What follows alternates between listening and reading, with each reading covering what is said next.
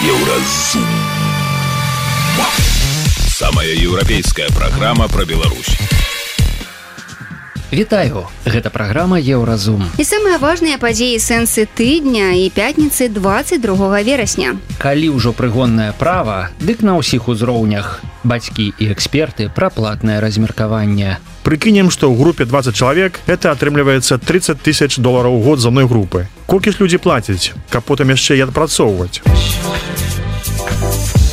Смерць платнай адукацыі і бясплатнай медыцыны. Сацыяльная дзяржава. Усё? Калі няма каму працаваць, так давайте мы прысягнем чалавека і бракуем Прамацуем яго нехай mm -hmm. працуем. Мне адно здзіўляе толькі чаму 5, чаму 7, Чаму не ну, не 37, напрыклад.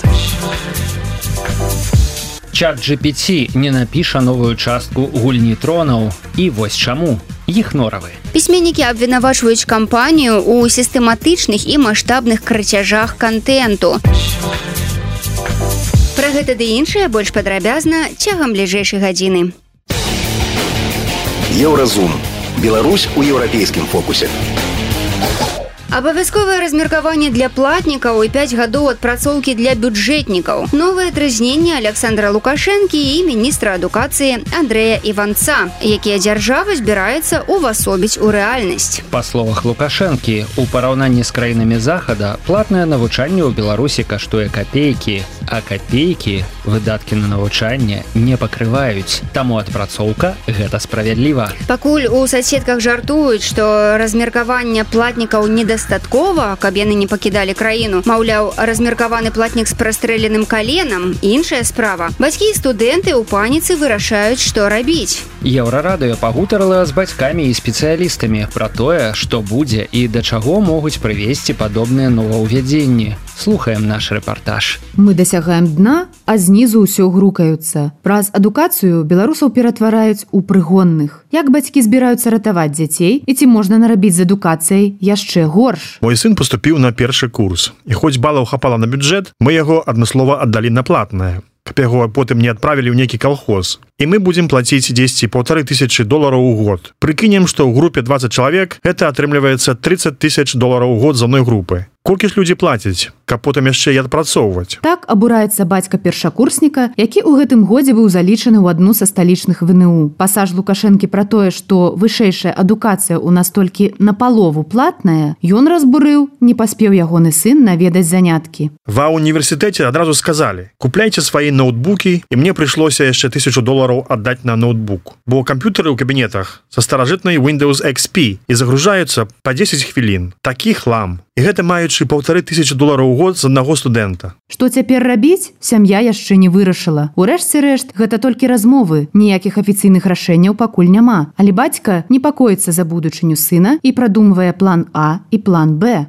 можа давучыцца але не паедзе па размеркаванні і зваліць з дыпломам. Або ўвогуле кіне універсітэт і не будзе атрымліваць дыплом. Але ведаеш застануцца. Цяпер нікога не цікавіць дыплом а досвед і навыкі. Бо 5-7 гадоў адпрацоўкі прабачся але гэта прысуд для маладога чалавека. Усё жыццё наперадзе. Ідзі па лесвіцы наверх. А плюс яшчэ год на армію пасля універсітэта і атрымліваецца што дзіця пачне рабіць кар'еру ў 30 год. Гэта як У садсетках ідэя размеркавання паставілі трапны дыягназ. Прыгоннае права. Тацяна Шчыцова, дарацца Святлана Ціхановскай па адукацыі, заўважае ў гэтым прагматычнае імкненне рэжыма забяспечыць сабе будучыню. Матрыцы патрэбны людзі, якія будуць яе сілкаваць. Калі ўжо прыгоннае права, то па ўсіх на ўсіх узроўнях.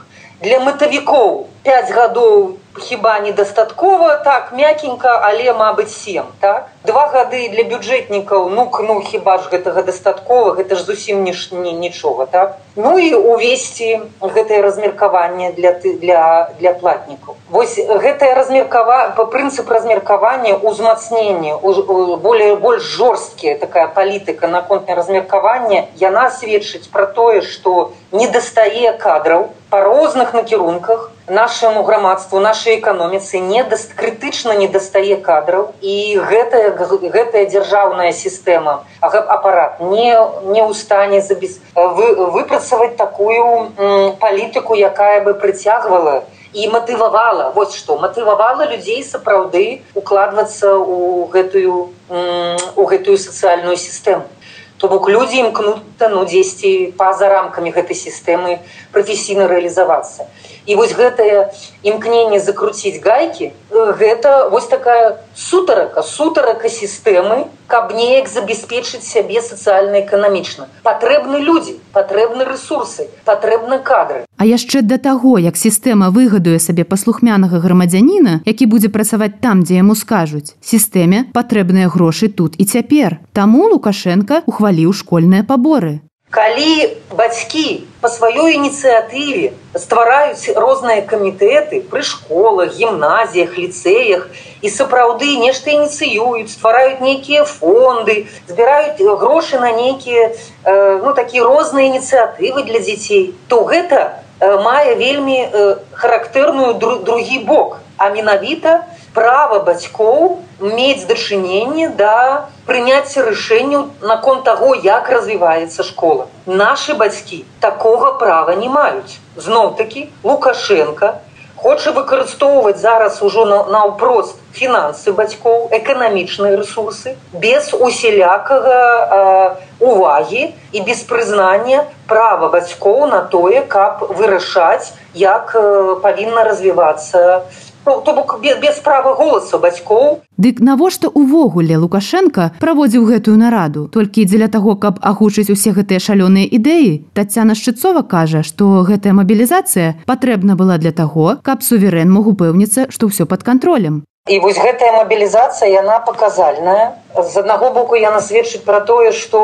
ну лукашенко разумее што адукацыя сапраўды вельмі істотная галіна сацыяльнага жыцця і сапраўды яна такая ну яна такая наскрозь праходзіць усяго грамадства і стан адукацыі сведчыць аб стане развіцця у грамадстве але таксама і аб стане і такім ідэйным ну якіх ідэяў так якіх прынцыпаў прытрымліваюцца карацей якая ці прытрымліваюцца людзі генеральнай лініі партыі. Ніякіх сістэмных праблем у адукацыі прапанаваныя чыноўнікамі ідэі не вырашаць. Так лічыць настаўнік і педагог які шмат гадоў працаваў у сістэме мінадукацыі Праблема не ў тым, што нешта адбываецца дрэнна. Праблема ў тым, што ўсе вузлы адукацыі дрэнна між сабой узаемадзейнічаюць. Еўрарадыё папрасіла выкладчыка уявіць сябе на той нарадзе. У сваім выступленні эксперт сказаў бы, што існуючая сістэма безнадзейна памерла і трэба ствараць новую. І нам усім бакам, якія ўдзельнічаюць у сістэме адукацыі трэба дамовіцца, як яна павінна працаваць. Гэта бацькі, вучні, настаўнікі і дзяржава. У каго якія функцыі, хто які ўплыў мае. Пакуль мы нанова не перадагаворымся нічога плённага ад гэтага не адбудзецца цяперашняя сістэма больш не адновіцца яна састарэла трымаецца на жорсткай вертыкалі для яе важна паперка а не тое што адбываецца на самой справе. І нічога добрага з гэтага не будзе. Педагог лічыць што будзе толькі горш. Хоць здавалася б ужо няма куды. Мы ўжо забыліся на выпадак з настаўніцай з гомелі якая за стул схапілася. Ці не горшае гэта? Я баюся прагназаваць што горш можа быць у адукацыі. Што можа быць горш за тое калі дзеці матам пасылаюць настаўнікаў? Калі настаўнікі выклікаюць міліцыю на дзяцей за іх пазіцыю? Я ўжо не ведаю што можа быць горш падаецца мы дасягаем дна а знізу ўсё грукаюцца добрага чакаць не прыходзіцца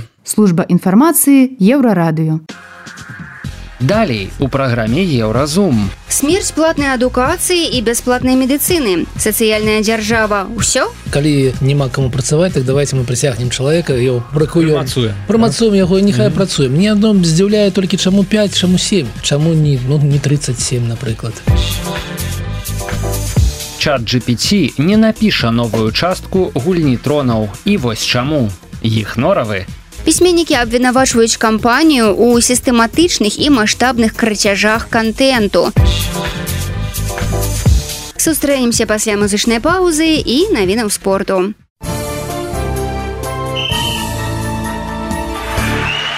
на еўрарадыё навіны спорту у Вікторыя Азаренко не прабілася ў чвэрцьфінал тэніснага турніру ў гвадалахары. Францужанка 11 ракетка свету Каралін Гарсія, якая раней перамагла Александру Сасновіч, выйграла і ў Азаранка 6364.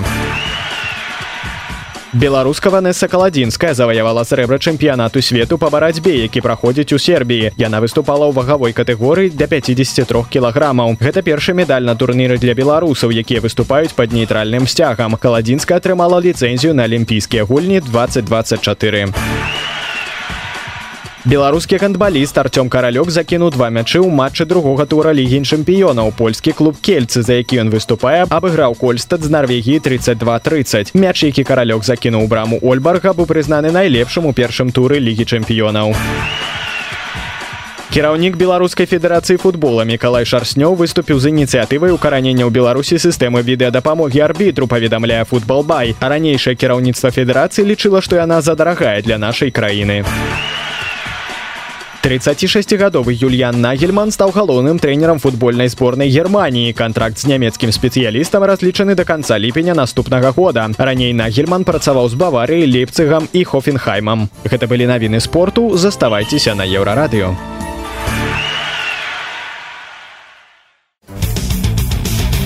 Еўразум жыві ў рытме Еўропы платнікі будуць адпрацоўваць размеркавання а хворыя будуць праводзіць доўгія месяцы ў чаканні працэдураў. Гэтая ды і іншыя навіны апошняга часу яскрава сведчаць што праект сацыяльная дзяржава ў беларусі скончыўся. Ці так гэта? Апошнія крэатыўныя ў двухкосці ідэі рэжыму абмяркоўваем з палітыкамі блогерам александром кныровичам ведаеце вось пра што я хацеў бы пагаварыць. Про тое што на маю думку у ўсё менш і менш застаецца ад таго што беларускія ўлады называлі сацыяльнай дзяржавай. Вось гэты грамадскі грамадская дамова да паміж лукашын лукашэнкам яго вертыкалю і народам. Ці па вы нікуды не лезеце а мы вам забяспечваем вот нейкі нармальны ўзровень жыцця яна просто раствараецца. І на тыдні было дзве вельмі важныя навіны з гэтай галіны. Давайте відаць з адукацыі спярша да? у адкрытым тэкстам на нарадзе у лукашэнкі міністр адукацыі сказаў што рыхтуюцца папраўкі ў кодекс адукацыйны згодна з якім платнікі будуць праходзіць размеркавання што пра бясплатнікаў пра бюджэтнікаў і гаворкі няма мэтавікам з 5 до 7 гадоў павялічаць значыцца гэты тэрмін абавязковай адпрацоўкі і там яшчэ ёсць пара навінаў Александр ці маю я рацыю калі звязваю вось такую навіну з тым што схлопваецца сацыяльная дзяржава Ну конечно конечно мы глядзім на тое як у як не хапае працоўных рук у эканомікі Беларусі. Глядзім на тое что зноў рэкорд за рэкондам кожны наступны месяц зноў рэкорд гэтым банке вакансію там уже 136 тысяч працоўных мест якія нікім э, не заняты. Гэта гэта праблема. І гэтую праблему ну лукашенко рашае як як заўжды. Ну папрост па-простому калі няма кому працаваць так давайте мы прысягнем чалавека его пракуем прамацуем яго нехай працуем мне адно здзіўляе толькі чаму 5 чаму 7 чаму не ну не 37 напрыклад. Что что яго спыняе ў гэты час? Які я яшчэ бачыў каментары у нашым еўрарадыйным чаце прывязаным да канала что это толькі пачатак. Восьось пишутць А чаму б у прынцыпе далей увогуле пашпарт не забраць? Ну. А навошта чалавеку пашпарт Не, ну да? ну так гэта ж лучше про сядзі працуй. лепшай практыкі Савецкага союза. Там у Савецкам союзе здаецца у калгаснікаў до 61 ці 64 -го года нема наогул пашпарту ну, да. для чаго яму кудысьці ехаць вось пішу гэта не просто смерць гэта крепасное право для дзяржавы. Mm -hmm. чалавек заплаціў свае грошы але павінен недзе там адпрацоўваць наступны вось не то что забраць пашпарты. Пашпарты будуць выдаваць толькі тым хто адпрацаваў ці напрыклад схадзіў у войска атрымаў пашпарт да? А, а наконт того что забіраць пашпарты тут рыфмуецца вельмі з гэтым навіна сённяшняя про генпракурора які сказаў что з аднаго што вучаць столькі англійскую мову у беларускіх школах? Не трэба. Мы что і з тым что вы казалі гэта рыфмуецца мы что кажа генпракурор рыхтуем для заходняга рынка працы персонал? А, не калі чалавек беларус не будзе э, ведаць англійскую мову.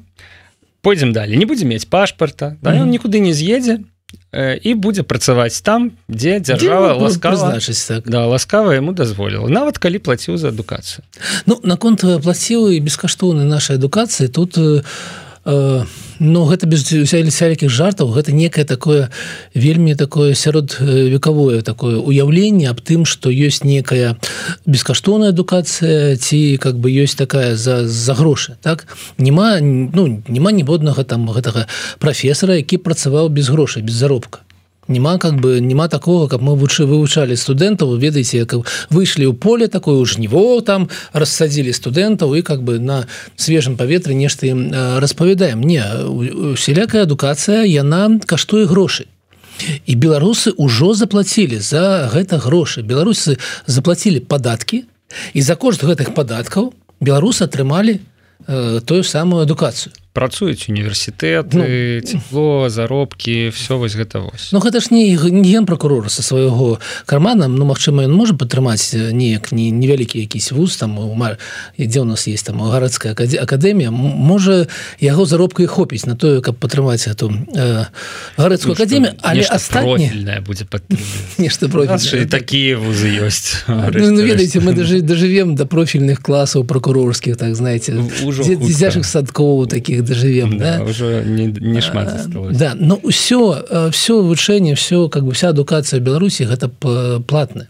то есть за гэта заплатілі ўжо граждане беларусі таму такая такой пункт гленджаны такое стаўленне мы вам даем адукацыю а вы ідзеце адпрацоўваеце гэта наогул такая ну так немагчыма гэта не не, не няма ніякіх падстаў эканамічных под гэтым у але але няма каму працаваць на вёске няма каму працаваць у там у сельскіх фельчарскіх пунктах. Ну і все і вось как бы 5 гадоў 7 гадоў. Атрымліваецца что вось перайначу разважанне Александра mm -hmm. да что дзяржава беларуская у выпадку з адукацыя бярэ грошы двойчы. Так. Першы раз яна взяла з падаткаплацельшчыкаў і раздала на універсітэтам на заробкі на все астатняе. Другі раз яна бярэ часам і ну фактычна жыццём там людзей якіх размяркова. А сплатнікаў яна бярэ яшчэ трэці раз. Вы вот можете сабе весь як одну рэч прадаць тры разы. Урок ад лукашэнкі. Значится платнікі яшчэ плацяць уласна кажа эту адукацыю.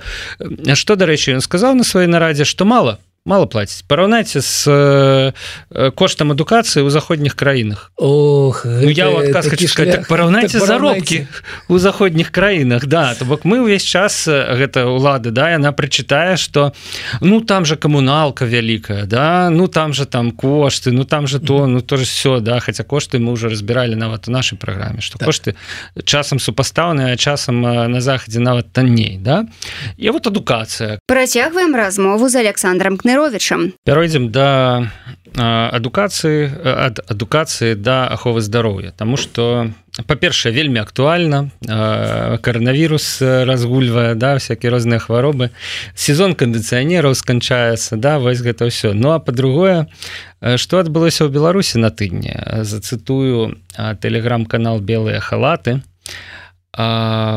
при аказанні медицинской помощи в амбулаторных условиях в форме планавай медицинской помощи то бок гэта калі чалавек прыходзіць з нейкай хваробай сур'ёзнай класціся у лякарню. Выполнение инструментальных и иных исследований составляет не более 90 рабочих дней со дня их назначения при подозрении на онкологическое заболевание не более 45 рабочих дней начало лечения, дата, я так понимаю, ожидание начала лечения составляет не более 30 рабочих дней со дня гистологического подтверждения диагноза. Гистологическое – это, я так разумею, анализ крови онкологического заболевания этому пациенту. А тут паўсюль такія фармулёўкі, не больш. То бок гэта не азначае, што вот менавіта 90 дзён чалавек будзе чакаць 90 45 у выпадку людзей, якія пакутаюць ад анкалогіі 30 але гэта значыць что калі давядзецца чакаць 90 по законе. Все да все по законе. Ты э, три месяцы умоўно кажучы тебе могуць трымаць будешь хварэць я не ведаю дома да значит будешь хадзіць со сваёй хваробай куды зможаш там я думаю на працу Мачыма вось нейкі час калі ўжо зусім не, не прыпячэ да? А вот калі вызваліцца месца вот тады мы цябе і возьмем. Але подазраем что нам для гэтага вось логіка мінадука мін мінздароя нам для гэтага можа спатрэбіцца 90 дзён. Ну ведаеце калі я быў у калоніі то калі вам патрэба патрэбна была дапамога стаматолога вот зараз у вас зараз баліць вы ніяк жыць не можете то вы мелі магчымасць запісацца ў чаргу і прыкладна праз 3-4 месяцы до вас дайшла бы гэта чарга вы атрымалі бы медычную абавязковую медычную дапамогу ад беларускай дзяржавы як заўжды цікавае і трапнае параўнанне ад александра кныровича то бок у прынцыпе тэрміны агучаныя гэтымі нормамі да.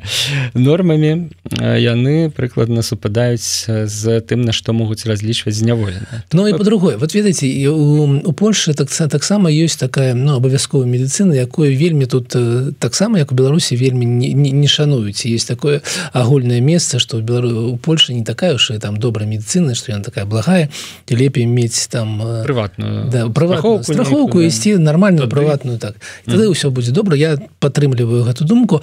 Але у гэтую абавязковай медыцыне якая как бы якая дзяржаўная медицина там ёсць нормы і там норма тебе павінны прыняць ну на працягу месяца один месяц не три месяца ёсць на тое каб э, прыняць зрабіць там все баданне как по-беларуску ну, даслед даследаванне да? так. Анализы. Даследавання і как бы неяк твой дыагнасці пацвердзіць ці не Таму і гэтыя нормы ўжо не такія ведаеце не такія сацыяльныя беларусі параўнанні з дзікім капіталізмам так і зусім неяк выглядае а, вельмі сумай тое што вы пачалі распавядаць на пачатку праграмы дзяржава свои обязательства обовязки свои как бы ну кажа кажаць вот здесь у нас будзе за оплату а гэта мы оцягнем на три месяцы і наогул не трэба тут хадзіць яшчэ пашпарты не будзем выдаваць за мяжой калі ласка до нас да? Бо гэта яшчэ крыху больш ён с ўжо там тыдні тры гэтай навіне mm -hmm. да? Але гэта таксама прыклад того что называют фейл стейт ну так. Да, тое что дзяржава перастае выконваць свои функцыі. Вось напрыклад у гэтым пытанні. І на пашпарты дарэчы звярнулі ўвагу у ан. Кажуць парушэнне ну я правоў патэнцыйнае парушэнне правоў десяткаў тысяч чалавек некая такая там была фармулёўка не ну ведаеце мои права парушаны это факт. Ну я не маю не маю магчымасці атрымаць нешта ад беларускага консульства грамадзянінам грамадзянінам беларусі все яшчэ з'яўляюся но але Ну мы ведаем як мы да ан как бы гэта такая цікавая структура. Да, наўрад ці то бок і в прынцыпе і больш адэкватныя рэжымы э, верціць рэзалюцыі ан на некаторых mm -hmm. месцах. А ўжо э, рэжым лукашэнкі у яго сённяшнім стане да у яго сёння цяперашняй ітэрацыі ён я думаю просто можа ну, і, і падцерціся э, мне тут цікава наступна мне здаецца што уже так хуценька рэжыму лукашэнкі прыйдзецца адграбаць ад крамля так вот трохі ў старонку прыйдзецца зноў ці да захада і гаворыць не я ну як мы к вами с вами гаворылі я стрымліваў Пуціна каб ён там не ну, там ядерную зброю зброю мы не прымяніў я гэтага ЧВК вахнера да сябе забраў я ж я что-то міратворыць я ж как бы за за мір жвачку давайте зноў как бы дружыць гэта прыйдзецца рабіць і все гэтыя пункцікі все гэтыя запятыя прыйдзецца неяк там а, разграбаць разбіраць. Вот мне цікава будзе паглядзець як яны будуць з гэтым неяк так узаемадзейнічаць бо ну, не будзе іншага шляха як как ідці як ідці да там Еўропы неяк размаўляць. І все гэта будзе такім пунктамі для перамоў Александр Кнырович, палітык і блогер, паразважаў сёння ў эфіры еўрарадыё пра смерць беларускай платнай адукацыі і пра смерць бясплатнай медыцыны. Далей у праграме Еўразум. Чат GPT не напіша новую частку гульні тронаў і вось чаму. Пісьменнікі абвінавачваюць кампанію ў сістэматычных і маштабных крыцяжах контенту. Сустрэнемся пасля музычнай паўзы і навінаў шоу-бізу.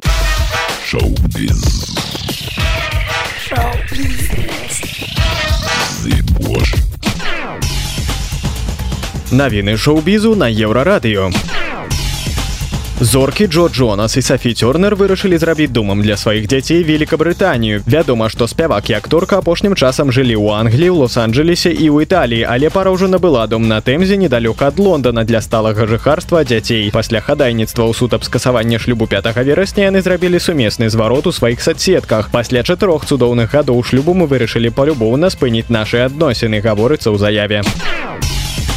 Фільм беларускага рэжысёра Масіма шведа фотограф з плошчы пераменаў дэбютаваў на тэлеканале белсаддок галоўны герой яўген ацтэцкі фотограф і жыхар плошчы пераменаў. У стужцы выкарыстоўваюцца архіўныя здымкі два -го года дзе яўген распавядае пра зараджэнне дваравога руху пра супрацьстаяння ўладаў і дваравой супольнасці якое прывяло да смерці рамана бандарэнкі Кайлі Міног прэзентуе новы альбом Тэншан. Гэта ўжо 16тая музычная праца спявачкі. Яго трапілі 14 трэка, у тым ліку нашумелая гэтым летам падам падам. У плыцы Тэншан Кайлі надае перавагу гучанню электрапоп, а ў загалоўным трэку гучаць ноты старой школы італьянскага фартэпіяна. Арганізатары літаратурнай прэміі дэбют імя Масіма Богдановича абвесцілі поўны спіс намінантаў. Конкурс праводзіцца за найлепшую паэзію, найлепшую дэбютную кнігу прозы і за найлепшы мастацкі пераклад. Сёлета з арганізатарамі прэміі выступаюць швейцарскі фонд Белвары Стыфтанг, беларускі пен і міжнародны саюз беларускіх пісьменнікаў. Гэта былі навіны шоу-бізу, заставайцеся на еўрарадыё.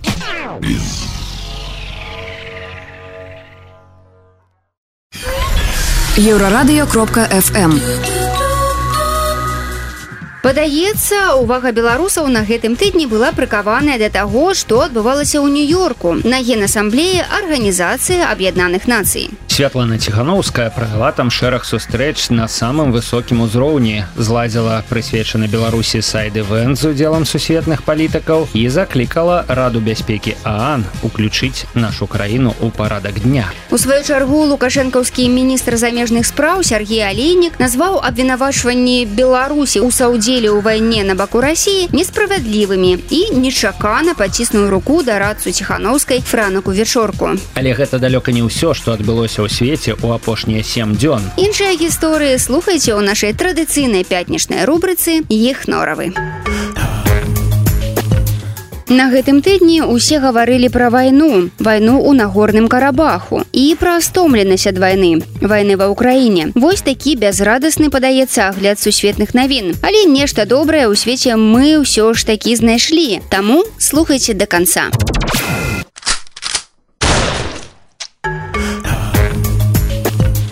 Аўторак азербайджанскае войска пачало ваенную аперацыю ў нагорным карабаху. У баку яе назвалі антытэрарыстычнай у ерыване геноцидам праз суткі адміністрацыя непрызнанай нагорна-карабахскай рэспублікі прыняла рашэнне. Яна згаджаецца на разбраенне і вывод армянскай ваеннай тэхнікі. Але на гэтым нічога не скончылася. Цяпер ідуць перамовы. Армяне нагорнага карабаха патрабуюць ад баку гаранты бяспекі і роўных правоў. Яны асцерагаюцца што пасля канчатковага пераходу іх тэрыторыі пад кантроль азербайджана у рэгіёне пачнуцца этнічныя чысткі. У баку кажуць маўляў ужо гатовы план інтэграцыі армян карабаха але што гэта за план незразумела. Ніхто не расказвае. У баку лічаць што лёс армян карабаха гэта унутраная справа азербайджана. Перамовы праходзілі за зачыненымі дзвярыма. Эксперты BBC мяркуюць што ўсё звялося да таго што азербайджан дыктаваў свае умовы. Якія гэта могуць быць умовы улічваючы што карба карабах ужо пагадзіўся скласці зброю і расфармаваць войска. Хутчэй за ўсё адно з галоўных патрабаванняў расфармаваць усе інстытуты самаабвяшчанай улады каб узначаліць карабах мог прызначэнь саліева. Піша выданне. А ў ерыване тым часам рыхтуецца арганізаваць вываз армян нагорнага карабаха. Не выключана што ў карабаху застануцца толькі пажылыя армяне якія не захочуць пакідаць родныя дамы Польша, якая спачатку поўнамасштабнай вайны была вернай паплечніцай Украіны, раптам адмовілася пастаўляць Украіну ўзбраенне. Маўляў, прыйшоў час узброіваецца і самой Польшчы, а прэзідэнт Анджей Дуда параўнаў Украіну з чалавекам, які тоне. І спрабуючы выратавацца, можа зацягнуць за сабой і сваіх ратавальнікаў. Канфлікт які выліўся у такія заявы пачаўся са збожжа. Пасля выхаду рассіі са збожжавай сделкі украіна страціла магчымасць экспартаваць збожжа марскім шляхам. Адкрытымі для яе застаюцца толькі сухапутныя калідоры і адзін з іх акурат праз польшчу але польскія фермеры незадаволеныя тым што ў іх краіну едзе шмат таннага украінскага збожжа. І ўрад вырашыў стаць на абарону фермераў. Не тое каб зусім бескарысліва. У польльше набліжаюцца выбары. І кіроўнай кансерватыўнай кансерватыўнай партыі вельмі патрэбныя галасы кансерватыўна настроеных фермераў.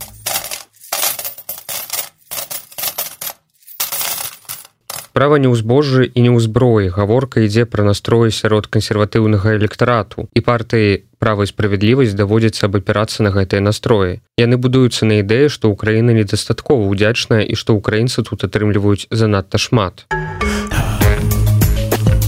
тлумачыць для BBC Пётр Лукасевич з аналітычнай групы палітыка інсайт. Калі год таму палітыкі маглі заваяваць сабе балы цвёрдымі абяцаннямі падтрымаць Украіну, то цяпер разыгрываюць новую карту стомленасці ад вайны. Прычым не толькі ў Польшчы. Гэтая тэма ўжо ўплывае ў перадвыбарчых кампаніях ад ЗША да Славакіі, заўважае Сара Рэйзерфорд. Праблема ў тым, што нашмат большым фермерам разлад паміж Польшай і Украінай падабаецца ўладзіміру Пуціну. І вам тут жа захацелася спытаць ой а колькі ж яму гадоў ужо? Мёрдаку 92 гады і за 70 гадоў кар'еры ён пабудаваў адну з самых уплывовых медыа імперый у свеце піша BBC гісторыя мёрдака пачалася ў 1950-х годах калі ён атрымаў у спадчыну долю мясцовых газет у аўстралійскім горадзе аделаіда Мёрдак змог ператварыць гэты не самы уражлівы капітал у імперыю сярод газет, якімі ён валодае Wall Street Journal і The Sun. Цяпер мёрдак перадае ўправленне Newskорп і Фокс свайму старэйшаму сыну Лахлану. У нашых кампаній добрае здароўе, як і ў мяне. Сказаў медыямагнат у натацы для супрацоўнікаў. На адпачынку ён абяцае быць актыўным чальцом грамадства, крытычна глядзець тэлепераграмы і уважліва чытаць навіны. Капірайтары выдыхаеце. Робаты пакуль не адбяруць вашу працу. У барацьбе чалавецтва са штучным інтэлектам з'явілася перавага на карысць чалавецтва, бо за людзей у гэтай бітве раптам упісаўся аўтар гульні тронаў Джордж Мартин. Мартин разам з іншым амерыканскім пісьменнікам Джонам Грышэмам падаў у суд на Open AI, кампанію, якая валодае чат-ботам чат GPT. Пазоўнікі мяркуюць, што кампанія парушыла іх аўтарскія правы, калі вучыла нейрасетку на базе іх тэкстаў. Пісьменнікі абвінавачваюць кампанію ў сістэматычных і маштабных крыцяжах контенту. У позве згаданыя і іншыя пісьменнікі, сярод якіх адзін з найбуйнейшых раманістаў сучаснасці Джонатан Фразен. Калі чат GPT чытаў гульню тронаў, ён ведае, што Джордж Мартин не шкадуе нават уласных персонажаў. Калі б штучны інтэект мог, ён бы ўжо занепакоіўся. А капірайтары, якія баяліся, што чат GPT адбярэ іх працу пакуль могуць выйти выдохнуть. Мы абяцалі вам добрыя навіны. Сямейная пара ў Кіаі ехала па падарункі на свята і збіла бяздомнага падлетка. Нічога добрага. Але збіты падлетак выявіўся іх зніклым 12 гадоў таму сынам. Твіст, які заслугоўвае экранізацыі бацька сямейства сцвярджае. Яму здалося што гледзячы на хлопчыка ён убачыў сябе ў маладосці. Таму калі ён адвёз збітага падлетка ў бальніцу то таемна попрасіў дактароў зрабіць днк тест той вечар скончылі не ў бальніцы а за тортам. Мы самі не верым што расказваем вам рэальную гісторыю. Еўрарадыё. Твоя улюбёная хваля Гэта была праграма Еўразум, штодзённы інфармацыйны падкаст еўрарадыё. Кожны дзень мы распавядаем пра самыя галоўныя навіны Беларусі і свету. А сённяшні выпуск скончаны. Беражыце сябе. Пачуемся. Еўразум. Самая еўрапейская праграма пра Беларусь.